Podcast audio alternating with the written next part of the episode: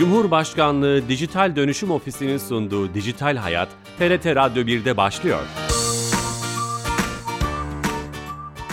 Herkese merhaba, ben Bilal Eren. Teknoloji ve dijitalleşmenin hayatlarımıza hem etkilerini hem sonuçlarını ele aldığımız Dijital Hayat programımıza hoş geldiniz. Her cuma saat 15.30'da bir başka konuyla TRT İstanbul Radyo stüdyolarından kulaklarınıza misafir olmaya devam ediyoruz. Bu hafta çok değerli bir proje ve bu proje üzerinden internet teknolojilerinin sivil toplum çalışmalarında etkilerini üzerindeki etkilerini konuşacağız. Çok değerli bir konumuz olacak. Kendisi telefonla bize katılacak. En gönüllü kurucusu Büşra Şahin hanımefendi bizimle beraber olacak. Ama öncesinde her hafta olduğu gibi kamunun tüm hizmetlerini dijitalleştirerek bizlere sunan, hayatta hayatlarımızı kolaylaştıran servisleri dizayn eden Dijital Türkiye ekibinden Ayşe Torun'la beraber olacağız. Ayşe Hanım hoş geldiniz yayınımıza.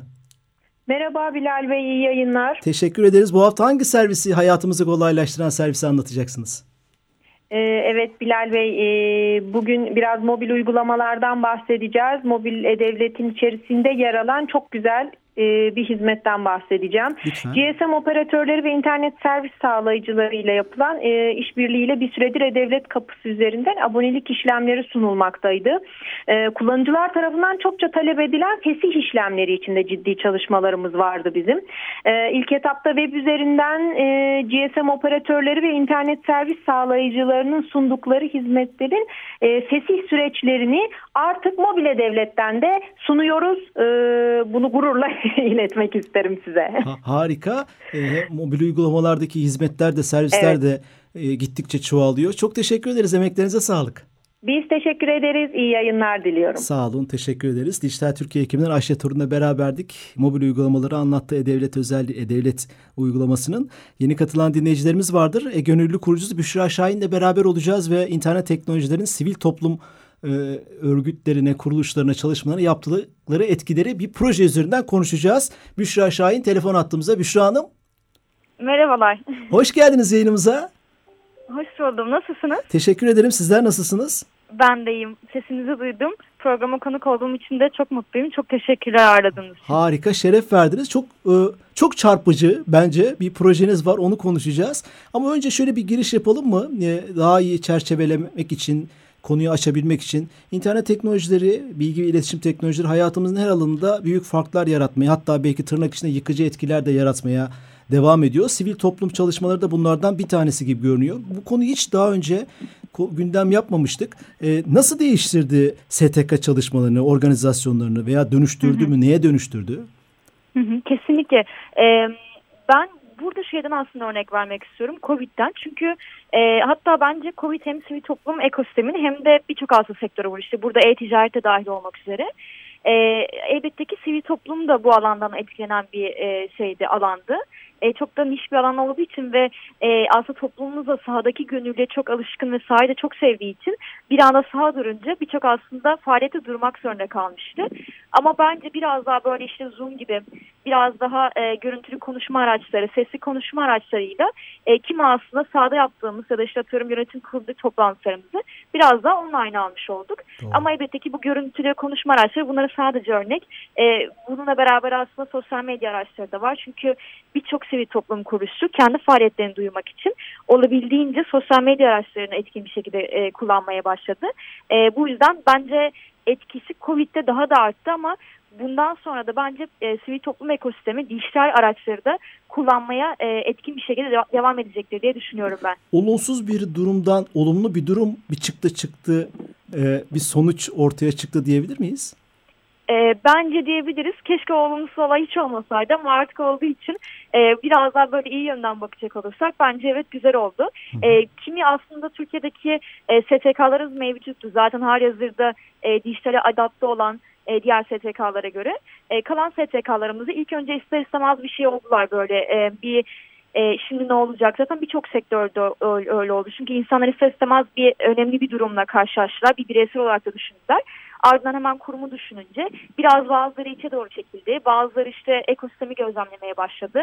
Sonra zaten sürecin e, beklenenden daha uzun süre devam edeceğini görünce dediğim gibi işte şeyleri çok fazla gördük. İşte Instagram canlı yayınları, Zoom Doğru. toplantıları ya da işte atıyorum bazı işte e, hastalıklar vesaireler için bağış kampanyaları farklı farklı aslında kampanya çeşitlerini gördük süreç içerisinde. Aslında bana bir top attınız. E, sivil toplum örgütleri adapte olmaya başladılar dediniz. Hem dünyada hem evet. ülkemizde bununla ilgili bir rakam araştırma var mı? Dünyadaki hı hı. ve ülkemizdeki sivil toplum kuruluşları, e, toplulukları e, nasıl kullanıyordu daha önce internet teknolojilerini? Böyle bir dijitalleşme hı hı. raporu gibi bir şey var mı?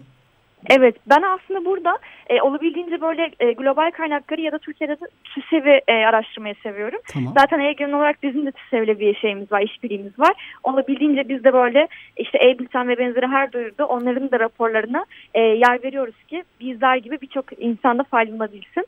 Bu noktada e, aslında şu an Türkiye'de böyle Facebook'un konumu birazcık daha fazla.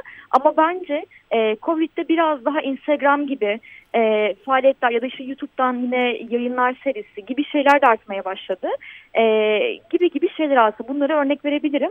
E, ama dediğim gibi ben özellikle Türkiye'de TÜSEV'e örnek gösteriyorum. Hatta yine araştırmaya göre Covid'de e, STK'lar işe sorulduğunda hangi faaliyetleriniz durdu diye e, %29 oranında bütün faaliyetlerini durdurduklarını %70 oranında da etkinlikler gibi daha çok böyle sahada yaptıkları faaliyetleri durdurmak zorunda kalmışlar e, dediğim gibi işte böyle özellikle online görüşme araçları bunları da elimizden geldiğince bizler iyileştirmeye çalışıyoruz. Belki hem bizler hem de STK'lar. Fiziki yapılan, sahada yapılan görüşmeler, farkındalık çalışmaları hani bir sivil toplumun hangi alanda çalışıyorsa onu çevrim içi ortama taşımaya çalıştı belki de doğru doğru söylüyoruz değil mi? Kesinlikle kesinlikle doğru söylüyorsunuz. Ee, örneğin mesela e, adım adım e, her zaman şey yapardı aslında her yıl bir koşuya çıkardı Şimdi ne oldu? Biz bunu Covid'de e, sanal koşu olarak gördük. İnsanlar bir uygulama indirip ardından da ev içerisinde, bahçede koşabildikleri her anda koşmaya çalıştılar. Bu gibi aslında biraz daha dişlere bir adaptasyon görmüş olduk faaliyetlerde. Peki e, bu sivil toplum kuruluşları kurumsal pencereden baktık. Biraz da gönüllüler tarafından bakalım. E, bizler tarafından bakalım. Gönüllülüğün e-hali olur mu? Yani bir e, sivil toplum kuruluşuna, bir davaya, bir derde inanan bir kişi çevre olabilir, kadın hakkı olabilir, siyasi bir şey olabilir, e, çocuk hakları olabilir. Bunun gönüllülüğünü, taraftarlığını elektronik olarak, dijital olarak sürdürmek mümkün mü? E-gönüllü. Bu, bunu nasıl tanımlarız? Yapılabilir mi böyle bir şey? Olabilir mi? Evet ben bence yapılabilir çünkü biz adına e gönlünü koyarak gerçekleşmeye çalıştığımız için bence yapılabilir ama biraz daha da açıklamak gerekirse bence aslında e, özellikle bir hatta çalışan gönüllerle çünkü e-gönül kurarken farklı farklı personellerle görüşmüştük. Onlardan bir tanesi de çalışan bireylerdi. Onların bize söyledikleri e, şuydu. Biz işte üniversitedeyken ya da lisedeyken aktif bir şekilde gönül faaliyetlerinde bulunurken bizler ne zaman ki çalışan bir birey olduk e, artık buradaki gönüllümüz bağış gönüllüne döndü.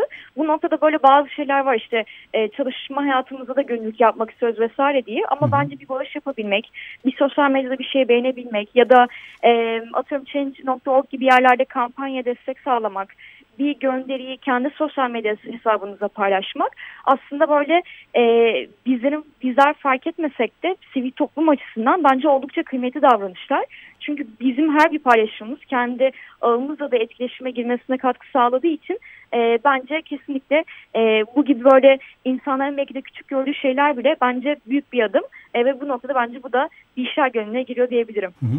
İnternetin ilk çıkış e, zamanlarında çok iyi hatırlıyorum. O zaman hani dünyadaki en e, bilinmeyen veya taraftarları az olan e, çeşitli nedenlerle engellenen veya e, dezavantajlı grupların da internet vasıtasıyla sesini duyurabileceği üzerine çokça konuşulmuştu. Biz bir internet aslında bunu da bir şekilde e, büyük oranda başardı gibi. Belki e, bir süre sonra bu internet üzerinden e, dijital ortamlar üzerinden sivil toplum çalışmalarına katılmak da şöyle bir tartışmayı göz önüne alarak soruyorum. E, klik aktivizmi veya dijital aktivizm dediğimiz işte sadece bilgisayar başından, telefon başından e, internet teknolojilerini kullanarak o e, yapacağınız gönüllülüğü devam ettirmeyi ve orada bittiğini e, bunu bir sorun olarak e, ele almıştı bu problem, bu başlık. Siz katılıyor musunuz bu klik aktivizmi? Hı hı. Yani bir gönüllü aktivist olmak icap ediyor. Hani sivil toplumda işte çıkıp çalışmak, e, sesini duyurmak ama bir süre sonra internet teknolojilerinin hani belki de o e, bir, bir tarafıyla bizi aldattığı ve işte kafede otururken bir konuyla ilgili bir, bir tweet atmak evet ben görevimi yaptım ve vicdanım rahat hissine sebep olabilir mi? Bu bir dezavantajlı bir duruma düşürebilir mi? Ne dersiniz? Hı hı.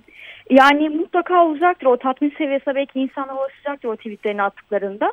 Ama ben hiçbir zaman bunu olumsuz olarak etkileyeceğini düşünmüyorum. Çünkü dediğim gibi özellikle çalışan bireyler, belki de yaşlı bireyler, bu insanlar hele ki özellikle geçmişlerinde günlük faaliyetleri varsa eğer ki zamanları yoksa ya da e, farklı bir coğrafi konuma gidemiyorlarsa zaten bence en büyük artı onlar için dijital olmuş oluyor. Hı hı. E, bu yüzden bence e, ileriye dönük bir olumsuz etkisinden ziyade bence her zaman olumlu etkisi olacaktır diye düşünüyorum. Çünkü e, bizler de STK'larla konuştuğumuzda bazen böyle Kanada'dan, yurt dışından farklı bölgelerinden destek sağlanan insanlar olabiliyor. Bu belki de bir tweet paylaşmak olabilir.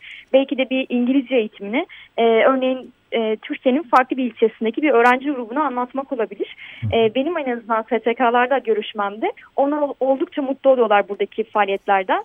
E, bu yüzden ben ileriye dönük e, çok olumsuz bir şey olacağını düşünmüyorum. Bence fırsatını bulan e, bir şekilde zaten sahaya inecektir. Çünkü ben şu anda böyle hem gönül ya da STK'larla görüştüğümde her zaman şey duyuyorum. İşte o sahanın kokusunu özledim.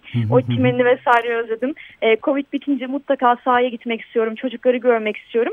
Bunları diyen de çok fazla insan olduğu için bence e, insanlar olabildiğince bunu dengeli tutacaklardır. Eğer ki zaten hiç zamanları yoksa elleri bir şekilde o tweet'e, o kampanyayı bir şeyleri paylaşmaya gidecektir diye düşünüyorum.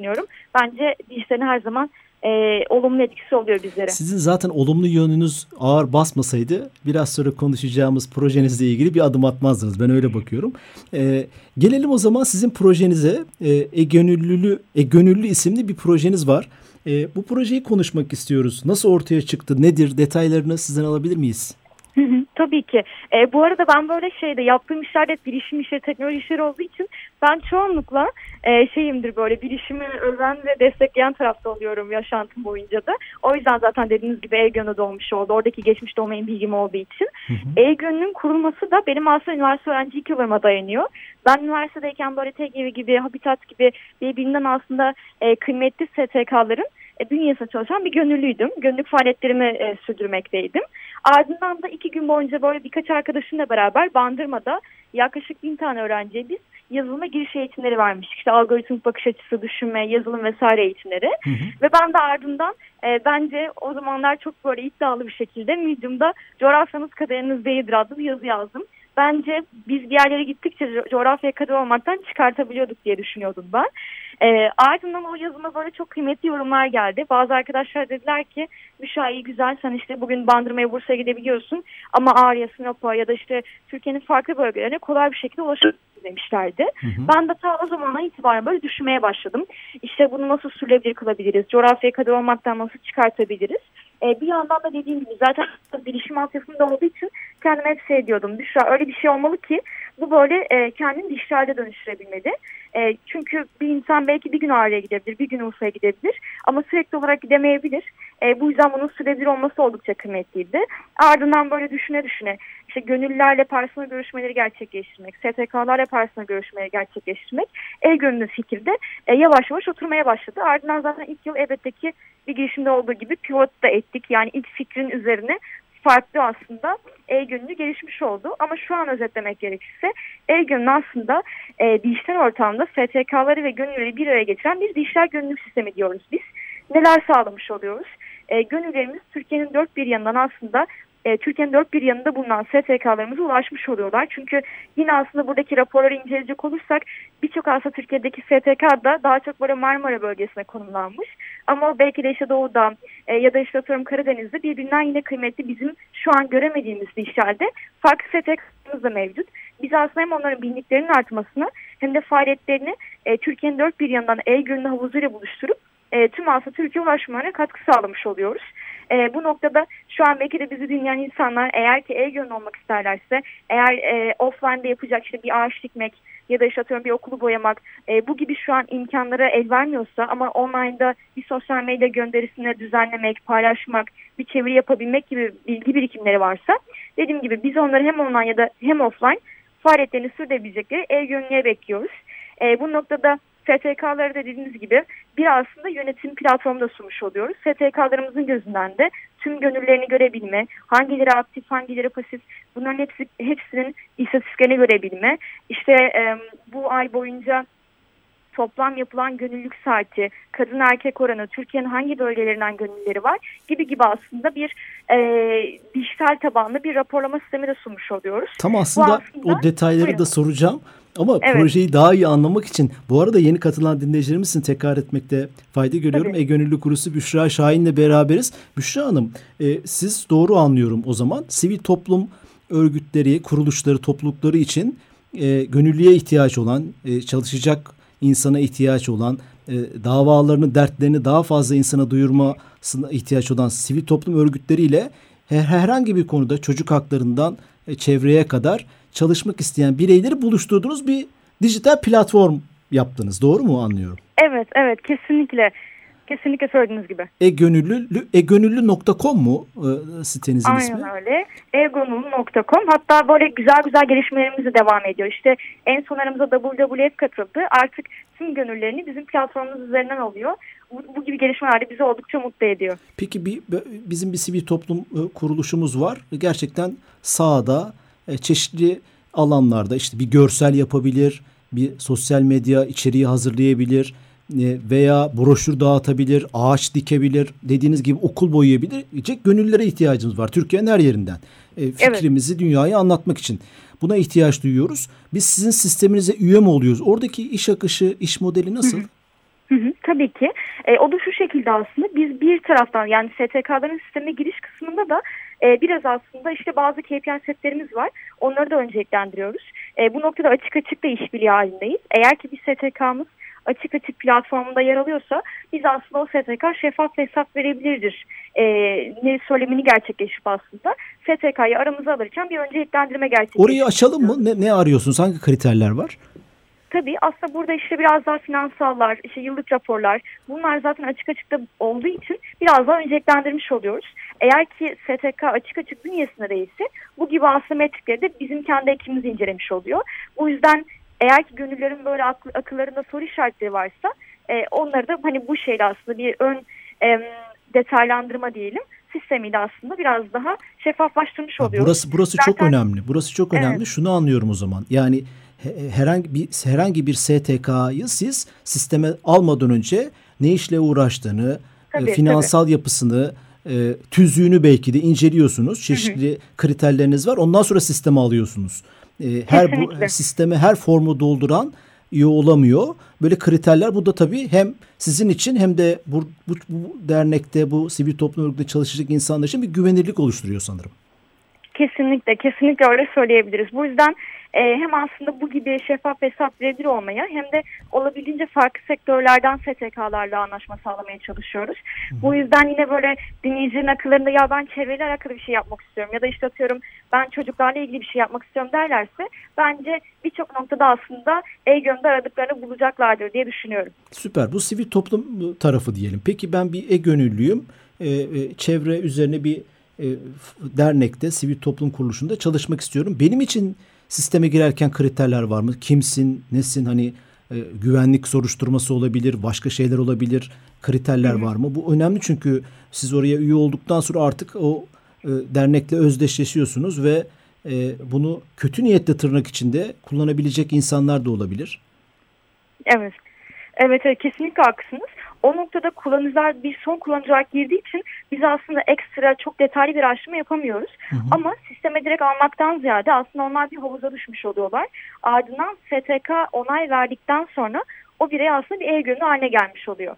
Bu yüzden aslında biz biraz daha filtrelemeyi STK'lara vermiş oluyoruz. Sivil toplum üzerinden Çünkü, yapıyorsunuz evet. Biraz evet öyle diyebiliriz. Çünkü bazen STK'lar örneğin işte bir sosyal medya gönüllüsü ise eğer ellerinde yeteri kadar havuzlarına gönüllü varsa kimi zaman biraz daha detaylı e, işin profesyonelliğine de girebil girebiliyorlar. Örneğin işte atıyorum Adobe programını bilmesi onun için önemli bir kriter oluyor. Eğer bilmiyorsa e, belki de o gönüllüyü alamayabiliyor. Bu gibi böyle kriterler de olduğu için biz oralara çok daha fazla girmeyip eğer ki bir gönüllü STK'nın da onayından geçip geçip e-gönüllü olduktan sonra biz aslında biraz daha taşın altına elimizi koyup kendimiz aylık gönüllere eğitimler veriyoruz. İşte bir STK ile nasıl iletişime geçebiliriz? Gönüllülük nedir? Gönüllülük motivasyonu sürdürülebilir olarak nasıl sağlanır gibi gibi aslında e, o gönüllünün de o şeyinde hikayesi, journey'sinde olabildiğince her noktada ona destek sağlamış oluyoruz.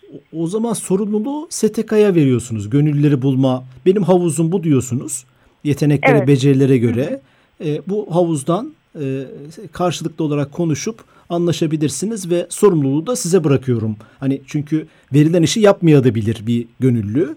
Aynen, başka aynen, bir problem kesinlikle. de olabilir. Bu tip problemlerde araya girip çözüm e, e, için çalışıyor musunuz yoksa tamamen artık o oradan sonra sizin e, işleviniz bitiyor mu? Hı hı. Eğer bu zamana kadar bu arada hiç olmadı. Hiçbir STK'mız bizden ekstra e, işte şöyle bir şey oldu vesaire gelmedi ama gelirse elbette ki bize destek sağlamaya gayet ederiz. Hı hı. E, ama dediğim gibi bu zamana kadar gelmemişti. Bizim nasıl bir katkımız oluyor? Olabildiğince kendi marka konumlandırmamızı iyi bir şekilde yapmaya çalıştığımız için ve bilinimimizi artır, biz bilinimimizi artırdıkça e, gel, gelecek aslında gönüllü sayısı artacağı için biz de olabildiğince böyle e, gerektiği zaman belediyelerle konuşup gerektiği zaman aslında kurumlarla görüşüp çünkü kurumda az önce demiştim çalışanlar bağış gönüllüsü olabiliyorlar ama çok fazla offline ya da online bir şey yapamıyorlar. Kurum çalışanlarına el gönüllü getirmeye çalışıyoruz ya da üniversitelere gidip e, belki de bir sosyal hizmet dersi kapsamında el gönüllü üzerinden yapması için e, faaliyetlerde bulunabiliyoruz. Bu yüzden biraz daha böyle STK tarafında hem bir dijital platform sunmuş oluyoruz hem de aslında e, onlara gönül havuzunda katkı sağlamış oluyoruz. Tabii böyle farklı bir projeyle e, baş başa kalınca çok soru geliyor. Belki sizin hiç evet. düşünmediğiniz veya hiç karşılaşmadığınız soruları da soruyor olabilirim ama daha iyi anlayabilmek için söylüyorum. Peki sizin üzerinizden maddi bir şey var mı? Bir gönüllü herhangi bir derneğe, havuzunuzdaki derneğe bağış yapmak isterse yani Hı-hı. maddi tarafla ilgili bir iş modeliniz var mı yoksa sadece buluşturup kenara mı çekiliyorsunuz? E, maddi olarak hani kendi sağlamak istediğimiz gelir modelinin dışında bağış üzerinden şu şekilde yapıyoruz. Bizim kendi e, bir STK şöyle bir şey çıkabiliyor. Örneğin işte e, bağış destekçisi arıyorum tarzında bir gönderi çıkabiliyor tamam. platform üzerinden. Çıktığında kullanıcının yönlendiği sayfa e, STK'nın kendi bağış sayfası olmuş oluyor. Yani sistem üzerinden bir ödeme altyapısından ziyade biz sadece aslında kullanıcıyı yeni sekmede açabileceği bir bağış sayfasına yönlendirmiş oluyoruz. Sizin üzerinizden e, para hareketi olmamış oluyor. Bu da aslında gayet e, güvenilir bir şey oluşturmuş oluyor. Öyle evet evet A aynen öyle söyleyebiliriz. Biz sadece yönlendirme sağlamış oluyoruz. Çünkü birçok aslında gönüllü artık geldiği için orada STK en azından bağış destekçisini de bizim üzerimizden bulmak istiyor. Biz sadece kendi sitesinin üzerine gömülü ya da farklı bir sayfada bir e, ödeme altyapısı varsa oraya yönlendiren taraf olmuş oluyor. Müthiş aslında birçok şeyi de düşünerek tasarlamışsınız. E, peki şu anki durumu öğrenecek olursak mesela sistemimizde kaç sivil toplum örgütü var, kaç e-gönüllü var? Böyle rakamsal, istatistiksel şeyler verebilir misiniz? Tabii verebilirim. E, şu an aslında 40 tane STK anlaşmamız var. Dediğim gibi en son WWF geldi. Bir önceki gelen de STK'mız TEGEV'di. İlk anlaşma sağladığımız partnerimiz açık açık. Çünkü böyle ilk ve sonlar böyle çok akılda kalabiliyor. Benim en azından o şekilde. Yine ilk STK anlaşmamız da Kayben Derneği ile olmuştu. E, o yüzden onlar gerçekten böyle akılda kalıyorlar. E, gönüllü tarafından da aslında şu an yine Türkiye'de olduğu gibi çoğunluk biraz daha böyle Marmara, Ege bölgelerinde. Ama biz istiyoruz ki böyle Türkiye'nin el gönüllü veri setlerinde oluşturabilelim. E, Birçok aslında şeyimiz de, mevcut. Şu an e, halihazırda bine aşkın gönüllümüz de mevcut ki e, bunlar tamamen aslında organik büyüyen. İşte bizim hiç e, Instagram reklamcılığı ya da işte atıyorum AdWords vesaire yapmamış bir şekilde organik olarak aldığımız gönüllüler. Umarım işte kurum çalışanlarını içeri alarak ya da işte e, üniversite öğrencilerini içeri alarak oradaki gönüllü de e, gün geçtikçe artırmış oluruz diye düşünüyorum. Çünkü sivil topluma girdikçe zaten ister istemez oradaki bilinirlik de artmış oluyor. O da bizi oldukça mutlu ediyor. Doğru çok iyi aslında 40 dernek yaklaşık bin gönüllünüz var. Son rakamlarda öğrenmiş olduk. Sizin peki çalışma prensibinizde bir dernek sistemimize üye olunca size bir aidat bir şey ödüyor mu? Sizin iş modeliniz nasıl? Gelir modeliniz? Hı hı. E, şu şekilde aslında bizimki ikiye ayrılıyor. Biz e, STK'lardan şu an hiçbir ücret almıyoruz. Hı hı. Var olanlardan da muhtemel bir şekilde gelecekteki STK'larımızdan da almayı Sizin çalışanlarınız da e-gönüllü yani aslında tamamen öyle görünüyor. Yani ben ve ekibim evet. evet süper. ben ve ekibim diyebilirim. Onlar da zaten çok kıymetli mutlaka dinleyeceklerdir. E, çoğunun üniversite öğrencilerinden oluşuyor ve birebir STK görüşmelerini, tüm toplantı özetmelerini her şeyini onlar gerçekleştiriyorlar. Ben de onlarla işte rol play'ler yapıyorum. Bir kurumla nasıl görüşülür, işte nasıl söze başlanır, nasıl ikna edilir gibi gibi. Onlar için aslında ev bir okul gibi oluyor. Herkes hem ben hem onlar hepimiz birlikte aslında hem kendimiz hem de sivil toplum ekosistemini geliştirmiş oluyoruz. bir yandan geliştirirken de elbette ki hem sürdürülebilir olmak hem de gelir modelini oturtmak da oldukça önemli. Bizim de bu noktada aslında üçe ayrılmış oluyor. Elbette ki bir tanesi işte sponsorluklar, belki de fonlamalar. Bunlar üzerine böyle mentorluklar alıyoruz ya da danışmanlıklar alıyoruz şu an. Umarım, umarım ileride aldığımızda onları da duyuruyoruz. Hı hı. Bir ikincisi ilk sorularımızdan da hatırlarsanız dijital araçlardı. Ee, biz STK'lar yaptığımız görüşmelerde STK'lar bize şunları da söylemişlerdi. Dediler ki arkadaşlar gelecek gönüller evet bizim belki sosyal medyada bir gönderimizi hazırlayabilir. Özellikle dijital gönüller ya da işte atıyorum bir çevirimizi vesaire yapabilir. Ama bizim kimi zaman daha da uzman bir e, bir platforma, bir arkadaşa ihtiyacımız olabiliyor dediler. Hı hı. Ve maalesef bazen gönüller bu kadar ileri seviye bilemedikleri için bunları gerçekleştiremeyebiliyorlar. Hı hı. Biz de bu noktada teknoloji şirketleriyle işbirliğine gittik. İkincisi Bugün de bu. Ise, efendim? İkincisi de bu. E, gelir Aynen modernize öyle. anlamında. Aynen öyle. Üçüncüsü? Bugünkü aslında teknoloji işbirlikleri kapsamında hı hı. teknoloji şirketleri faaliyetlerini çok daha indirimli bir şekilde STK'ları sunmuş oluyorlar. Bunlar yine üyelik sistemi, bağış sistemi ve benzeri sistemler. STK'larda aslında buradaki sistemden çok daha dediğim gibi indirimli bir şekilde aldıkları için biz de buradan bir komisyon ücreti almış oluyoruz Harika. şirketler üzerinden. Ee, yine bununla beraber de kurumsal aslında işbirliklerine gitmeye gayret gösteriyoruz. Dediğim gibi bugün belki de bir X ya da işte Y kurumunun çalışanları bizim sistemimiz üzerinden eğer el gün olurlarsa şirket de aslında kendi kurumsal sosyal sorumluluk faaliyet raporuna buradaki tüm istatistikleri çok kolay bir şekilde ekleyebilir. Bunlarda ne gibi istatistikler? Kaç tane çalışan el gönüllüsü var? En çok aktif e, departmanda bulunan gönülleri hangi gönüllüler? E, ya da işte atıyorum bu ay boyunca toplam kaç saat gönüllülük yapıldı? E, gibi gibi aslında farklı farklı metrikleri de onlara sunmuş oluyoruz. Harika. Bu da bizim bir diğer gelir modelimiz olmuş oluyor. Harika. Çok sorun var ama süremizin e, sonuna geldik. egönüllü.com değil mi? Buradan bir kez daha duyurmuş olalım. Sivil toplumla, sivil toplumla çalıştırma, çalışmak isteyen gönüllüleri birleştiren bir platform ve o platformun kurucusu Büşra Şahin'le beraberdik. E, ağzınıza sağlık. Vaktimizin sonuna geldik ama çerçeveleyebildik. Çok teşekkür ederiz. Ben teşekkür ederim. Ee, çok çok kıymetli davetiniz için. Umarım ben de doğru bir şekilde aktarabilmişimdir. Harika oldu. Tekrardan sağ olun Harika. Hem dernekler hem de gönüllerinizin sayısının artması dileğiyle. İnşallah çok sağ olun. Bakalım biz o şekilde umuyoruz. Umarım da artacaktır. Sağ olun. Teşekkür ederiz. Evet e, bu hafta e, Kurusu Büşra Şahin'le beraberdik.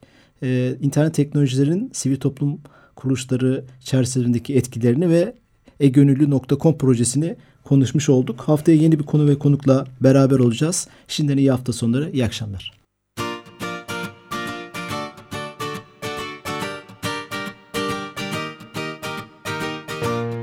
Cumhurbaşkanlığı Dijital Dönüşüm Ofisi'nin sunduğu Dijital Hayat, TRT Radyo 1'de sona erdi.